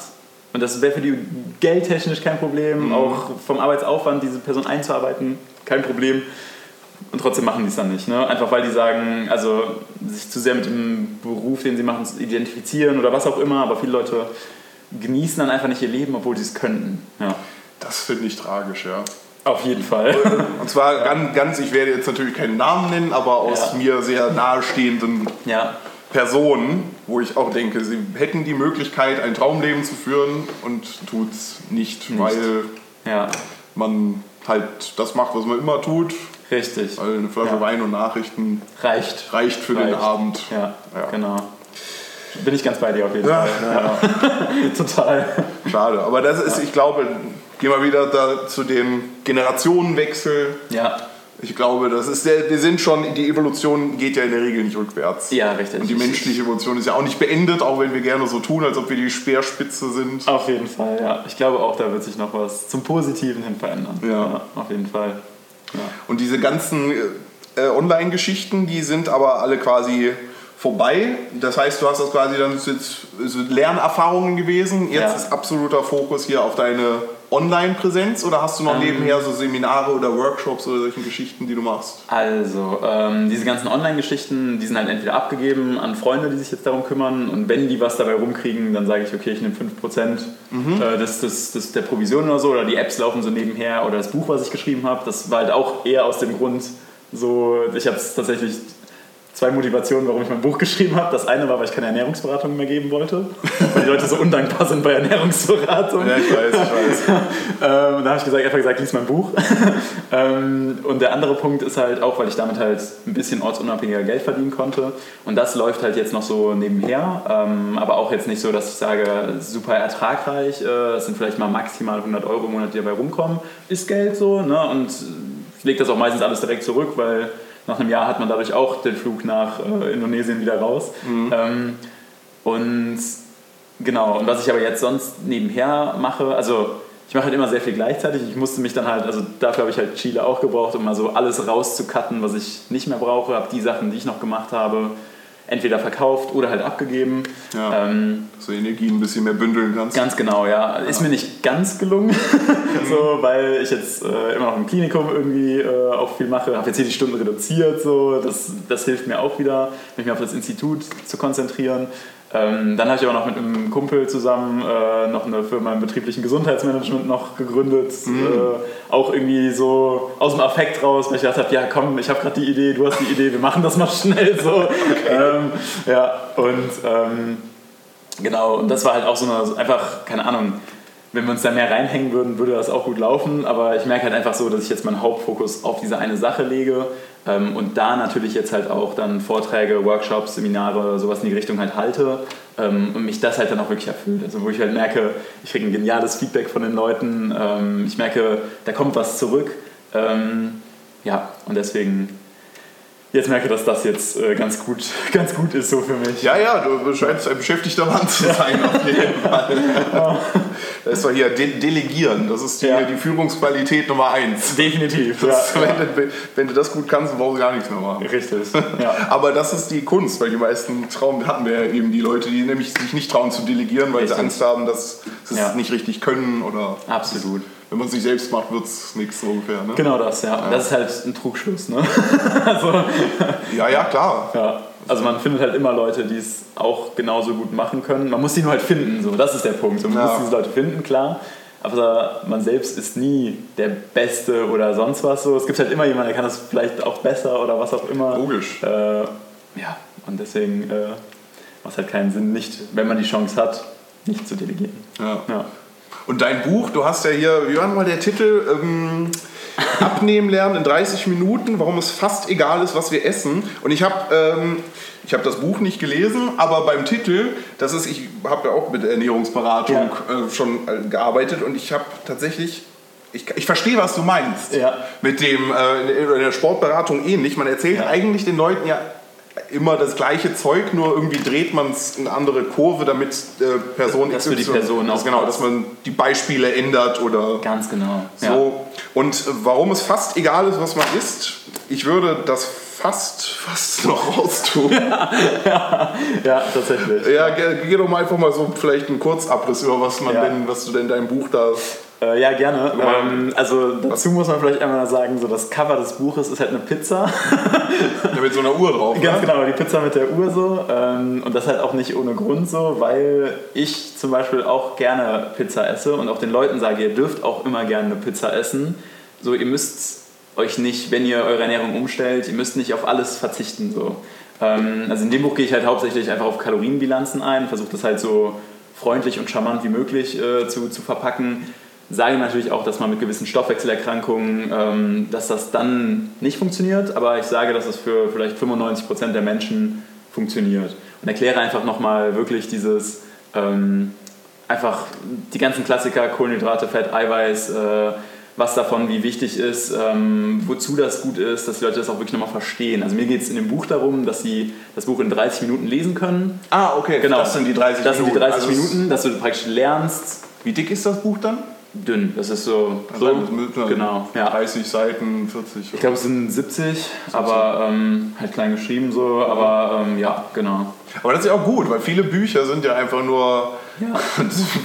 die gleiche Geschichte, die du dann am Ende 15 Mal gelesen hast, was das ja gut ist, weil dadurch bleibt es kleben. Bleibt kleben so, aber ganz genau. Häufig ja. kannst du auch, äh, gibt der, wie heißt diese App? Blinkist? Blinkist. Blinkist, ja, genau. genau. Ja, ja, tolle App. ja, aber das ist aber auch so, ah, die fünf Kernpunkte aus äh, die genau. sieben Wege der Effektivität. Ja. Aha, okay, unvergessen. Kernpunkte unvergessen. Ja, das ist das Problem dabei. Ja, ja. ja. Information Overload. Absolut. Ja. Also mir ging es einfach nur mal darum, dass die Menschen verstehen, dass die Brigitte-Diät ja. und die Diät in der anderen Zeitschrift und diese Diät, dass die alle halt irgendwo auf einem gleichen System beruhen ähm, und sei es auch, dass man jetzt, äh, keine Ahnung, eine 16-8-Diät oder Low Carb oder so ausprobieren möchte, dann kann man das auch gern machen. Und es kann auch sein, dass man dadurch vielleicht ein Stück weit, auch manchmal auch nur für eine Zeit lang, schneller vorankommt. Das ist halt auch der wichtige Alles Punkt. klappt, bis es nicht mehr klappt. So, Ganz ne? genau. Ähm, und dass das aber alles irgendwo halt auch auf einem Grundsystem beruht so und das erkläre ich halt einfach nochmal, dass die Leute halt einfach verstehen, worum es bei Ernährung mhm. geht ähm, und das halt so leicht wie möglich umzusetzen. Ja. Das heißt also, es geht darum, dass du quasi so diesen ganzen das ganze Brassel drumherum wegnimmst und dann sagst auch, also es geht darum, die Prinzipien zu erklären und nicht die ganzen verschiedenen Methoden, die alle zum gleichen Ganz Weil genau. es, es, führen ja viele Wege zum Ziel. Ganz genau. Low Carb kann funktionieren, Richtig. High Carb kann funktionieren, ja. Intervallfasten kann funktionieren, drei Mahlzeiten, fünf, zwei, Richtig, ja. morgens wie ein König, abends wie ein Bettelmann und umgekehrt. Ja. Und und genau das ist der Punkt, es funktioniert sehr viel. Genau. Und das ist so der Punkt. So. Aber warum funktioniert es, wenn die Leute das kapieren, dann können sie den Weg nehmen, der für sie, für sie in ihren Alltag passt. passt. Ja. Ja. Weil das ist halt das, also das habe ich halt als Problem auch so ein bisschen angeprangert am Anfang so im ja. Buch, dass die Leute halt immer nur der nächstbesten Diät hinterherrennen, genau. um danach zu merken, okay, es hat kurz geklappt, danach sind die wieder in ihr normales Ernährungsmuster gegangen, was sie vorher auch hatten haben genau das gleiche Gewicht wieder drauf und gehen dann in die nächste Diät, die wieder Trend ist. So. Ja. Und das habe ich so ein bisschen angeprangert so und gesagt, okay, ihr müsst nicht ständig der nächsten Diät hinterherlaufen, findet doch einmal einfach das, was für euch gut passt und ähm, ernährt euch dann so, wie ihr auch Spaß dran habt. Ne? Also nicht, dass es dieser Zwang ist, sich so und so ernähren zu müssen. Ja. Genau. Finde ich eine gute Geschichte. Also wenn irgendwer keinen Bock hat, sich mit Ernährung zu beschäftigen, aber eine halbe Stunde Zeit hat, ja. dann, dann das hat der Adrian das Buch für euch. Ja. Adrian, gibt es zum Abschluss noch irgendwas, was du unseren Zuschauern und Zuhörern gerne mit, äh, eine Weisheit, die du ihnen gerne auf den Weg mitgeben würdest? Ähm, oh, es gibt sicher ganz viele. ähm, aber dann suche ich mir mal eine schöne raus. Ähm, grundlegend vielleicht eine Sache, ja, genau, da, da, darüber kann ich eine kleine äh, Bridge schlagen. Ähm, grundlegend, wenn einen irgendwas halt belastet im Leben, dann hat man immer drei Möglichkeiten. Das eine ist, dass man das Ganze akzeptiert, so wie es ist. Ähm, das andere ist, dass man das Ganze loslässt, sich wirklich davon trennt oder es ändert. Und wenn halt eine dieser Optionen nicht geht, dann muss man halt irgendwas anderes machen. Also diese drei Optionen hat man immer, wenn irgendwie ein Problem im Leben auftritt. Äh, das ist halt was mein persönliches Learning auch durch die Meditation, so, weil die mich halt dahin geschult hat, das so zu erkennen. Und es gibt immer diese drei Möglichkeiten, entweder akzeptieren, loslassen oder verändern. Ja. Wenn verändern nicht klappt, dann muss ich halt akzeptieren oder loslassen. Wenn akzeptieren nicht klappt, dann muss es halt gehen. So. Also Ja. ob das Menschen sind, ob das also Beziehungen oder ähm, ob das der Job ist oder was auch immer. Ähm, das ist so, finde ich, ein wichtiges Learning, was ich persönlich hatte. Und ansonsten ganz wichtige Message, äh, fangt an zu meditieren, das hilft. Ja, danke, weil du sprichst mir damit aus der Seele. Ich äh, kann das 100% unterschreiben, was der Adrian da gerade gesagt hat, weil ich ein Ding, was ich mir immer sage, das habe ich von Eckhart Tolle, der Mhm. ja einer meiner Hauptdudes ist, so aufgeschnappt: Change, leave, surrender or suffer. Ja, Also verändern, gehen, akzeptieren oder leiden. Oder du musst halt leiden. genau, ja. das wäre die vierte Option. Richtig, ja. Aber die ist ja in der Regel, wenn man ein bisschen bei Verstand ist, Ja. Äh, nicht so die, Nicht die, schönste. schönste. ja. Die aber die meisten manchmal wählen. Leider, leider, Leider. leider, leider. Das ist irgendwie so die automatische Variante. Absolut. Dass man sich jetzt ärgert darüber, dass man im Stau steht und dass man sich ärgert über den blöden Kommentar und das Total. einfach einmal durchatmen Genau. und dann ist es nach einer Akzeptieren und dann ist es auch wieder vorbei, genau. Und wenn jetzt ähm, jemand vielleicht sich für deinen Online-Kurs interessiert, Mhm. wo kann er den finden? Finden äh, auf äh, mentalegesundheit.com. Ähm, Premium-Domain gesichert. ähm, also mentalegesundheit.com, da findet man eigentlich alle Infos, die man braucht. Ähm, da sieht man halt auch, je nachdem, was einen halt gerade beschäftigt. Also der Kurs ist halt darauf ausgelegt, auch wirklich mentale Erkrankungen ähm, da anzuknüpfen und die anzugehen. Aber man kann das Ganze natürlich auch präventiv machen, dass man gar nicht erst in diese mentalen Erkrankungen reinkommt. Also auf der Seite sieht man dann ganz klar geteilt Depressionen, äh, Angststörungen, Panikattacken, Stress und Burnout äh, oder einfach Prävention. Und die Prävention, wenn man sagt, man hat nichts, man fühlt sich gut, kennt aber jemanden, der Depressionen hat oder Angststörungen und will gar nicht erst dahin kommen, dann einfach das Präventivprogramm wählen und dann sagen, äh, das hilft mir jetzt, dass ich halt gar nicht erst Angststörungen bekomme. Ähm, genau, ja. Und da findet man eigentlich alles an Infos, auch noch spannende Blogartikel, so über auch grundlegend Achtsamkeit, achtsame Kommunikation und sowas, was einem auch im Alltag vielleicht mal ganz gut helfen kann. Ja. Potenziell. Potenziell, ja. ja. Ja, das wäre die Hoffnung, dass es dann mit der Achtsamkeit, dass es dann auch die, die Mentalhygiene halt so ist wie ne, beim Zahnarzt ist ja auch, du putzt dir die Zähne halt einfach, damit Genau. sie nicht gelb und grün und Richtig. schwarz werden. Ja.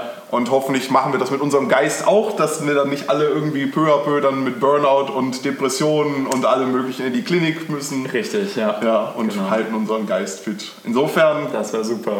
kann ich doch empfehlen, hier mal dem Adrian seinen Kurs auszuprobieren und fühlt euch vielleicht auch inspiriert, mal ein bisschen die Welt zu bebummeln. Finde ich gut. Bewummeln finde ich gut. Ja. das klingt gut. Und in der Hinsicht, Adrian, danke dir, dass Hat du dir die Zeit genommen hast. Sehr gefreut. Ja, Mich auch. Vielen lieben Dank, dass ich dabei sein durfte. Es war wunderschön. Ja, und an das Publikum, Peace, auf Wiedersehen, einen schönen Tag, Vormittag, Abend, etc. pp. Was auch immer. Macht's gut.